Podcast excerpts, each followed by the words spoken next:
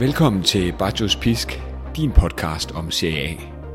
Detroniseringen af Norditalien kan fredag aften blive en realitet, og Napoli kan efter årtier sætte sig til rette i Iron Throne med Scudettoen i hånden. Hvem havde egentlig troet på det efter det store farvel til afskillige senatorer i sommerpausen? Insigne, Khalidou Koulibaly, klubbens all-time capocannoniere Dries Mertens, og listen fortsætter.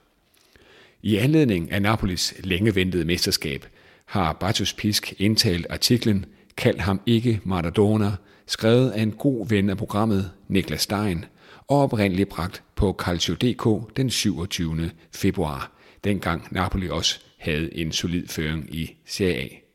Calcio.dk sætter ord på det smukke spil og drives og udvikles af netop journalist, tilrettelægger og vært på Radio 4, Niklas Stein, der i marts blev tildelt talentprisen Årets Ankerdal af Foreningen Danske Sportsjournalister. Inden den indtalte artikel vil jeg blot minde om, at Thomas og jeg sætter os sammen på søndag og nørder os helt ned i vores allesammens passion, den store calcio. Det glæder jeg mig virkelig meget til. Og endelig, som skrevet i Facebook-gruppen, bringer Bartos Pisk første episode i en miniserie om vores åndelige calciofader Roberto Baggio. Men det sker først, når gruppen har rundet 1000 medlemmer. I talende stund er vi på 941 medlemmer, og jeg synes virkelig, at det er blevet et fint, positivt og kammeratligt lille calciofællesskab, som vi har fået skabt sammen, som både underholder, inspirerer og gør klogere. Inviter endelig din ven, fætter, moster eller gamle skolekammerat, som deler din passion. Og lad os så springe ud i Niklas' artikel, Kald ham ikke Maradona. Et menneskehav formede og bølgede sig ud foran Stadio Diego Armando Maradona, kun afbrudt af en bil, der på en eller anden måde havde forvildet sig ind i midten af festen.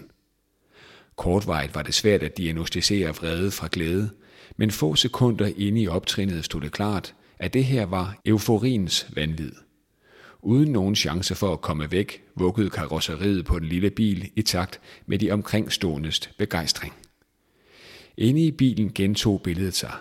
Var manden på passagerstedet rasende eller opslugt i en overflod af glæde?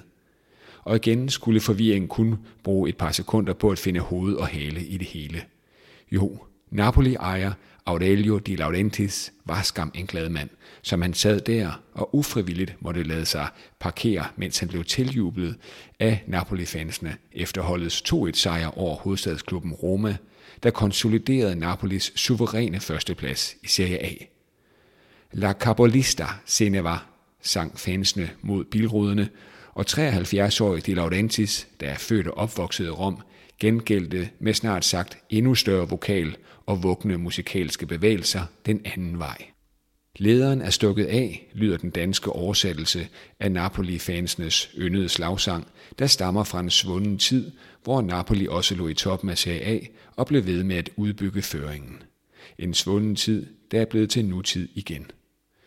Scenen med Napoli-ejeren er Napolis nuværende og meget gunstige situation kogt ind til et moment – det er godt at være napolitaner lige nu. Syditaliens største fodboldklub er ikke blot stukket af fra konkurrenterne. De er i gang med en magtdemonstration så stor, at de stadig har muligheden for at slå på rekord i Italien. Derfor er Serie A-sæsonen 2022-2023 ikke historien om de øvrige tophold, der snubler. Det er ikke historien om Juventus' pointstraf og plus Valencia, og det er ikke fortællingen om et mesterskab, der er billigt til salg. Det er først og fremmest historien om et hidtil uset højt niveau fra Napoli. Den åbenlyse og formentlig også korrekte analyse var ellers, at Napoli havde sin storhedstid bag sig. Den helt store af dem lå fra 1987 til 1990, men også set i forhold til klubbens nyere historie lignede det, at Napoli ville skulle kigge bagud i stedet for fremad for at se storhed. Maurizio Sarri skabte mellem 2015 og 2018 et hold, der blev beundret og var kilde til inspiration hos alle de store i Europa. Trods et samlet pointsnit på respektindgydende 2,16, lykkedes det dog aldrig Sarri at vinde en Scudetto i Napoli, og det naturlige ville herefter være, at Napoli cashede ind på nogle profiler, lod de løntunge og aldrende profilers kontrakter løbe ud, for dernæst at skabe et nyt hold, der lige så stille og roligt kunne drysse nedad i tabellen, men konsoliderer sig i den umiddelbare subtop. Det var da også præcis, hvad der skete på nær placeringen i tabellen. Napoli holdt fast i toppen, men begyndte efter Luciano Spallettis indtræden i 2021 at kravle opad i stedet. Spallettis egen historie er også den om en mand, der ikke fulgte den sti, der ellers var lagt foran ham af eksperter. Den anden sving om i AS Roma blev på papiret utrolig flot, men vil for fodboldromantikere være mudret af, at Spalletti var ham, der pensionerede Francesco Totti, og at han nær var ved ikke at give prinsen af Rom en værdig afsked. Dernæst holdt Spalletti lige akkurat skruen i vandet i Inter, inden han trak stikket. Lå fodbold være fodbold i 2019 og fortrak sig til vingården i Toskanas underskønne landskab. Fødselsattesten rundede 60 år. Der var der et par anselige pokaler i skabet og mange fine hold på CV'et. Det var måske egentlig et meget fint tidspunkt at sige tak for nu. Men undede Spalletti et vineeventyr væk fra det rampelys, som han egentlig klarede meget fint, men aldrig rigtig virkede til at trives i. Sådan skulle det dog ikke blive. Spalletti takkede ja til de Laurentiis' ønske om at se, om ikke det var et eller andet ekstra tilbage i Napoli-tanken, og om ikke Spalletti skulle være manden, der indfriede det potentiale, som både han selv og Napoli endnu manglede at køre helt ind over målstregen. Spalletti trak i arbejdstøjet og styrede Napoli på ret køl efter lige akkurat at have undgået kollisionskurs under Gennaro Gattuso. Spalletti byggede brik for brik et nyt hold, som han var blevet givet af en mand, vi vender tilbage til. Men Spalletti fandt også noget nyt frem fra posen. Fodboldspillet er under forandring af disse år, og spillets velkendte positionsspil er ved at flyde ud. Formationer er ikke længere formationer, du kan stole på, og spillerne får større frihed til selv at finde rum undervejs i en kamp og at improvisere. Den udvikling greb Spalletti tidligt, og det er blandt andet det, man ser bære frugt i Napoli lige nu. Men Spalletti er ikke hjernen bag, for det talentmateriale, han på visse områder råder over, er unikt.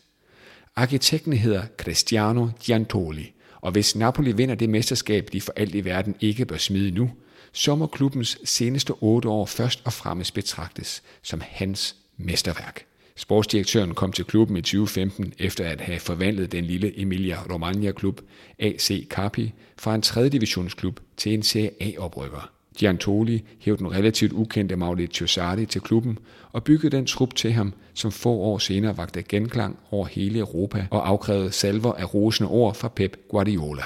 Han skabte meget pæne salg undervejs med Gonzalo Higuain som kronjuvelen med et prisskalt på 90 millioner euro. Det var således også Giantoli, der stod med arbejdet med at skabe et nyt hold, der spillere som Marek Hamsic, Dries Mertens og Lorenzo Insigne måtte videre til deres respektive karrieres sidste destinationer.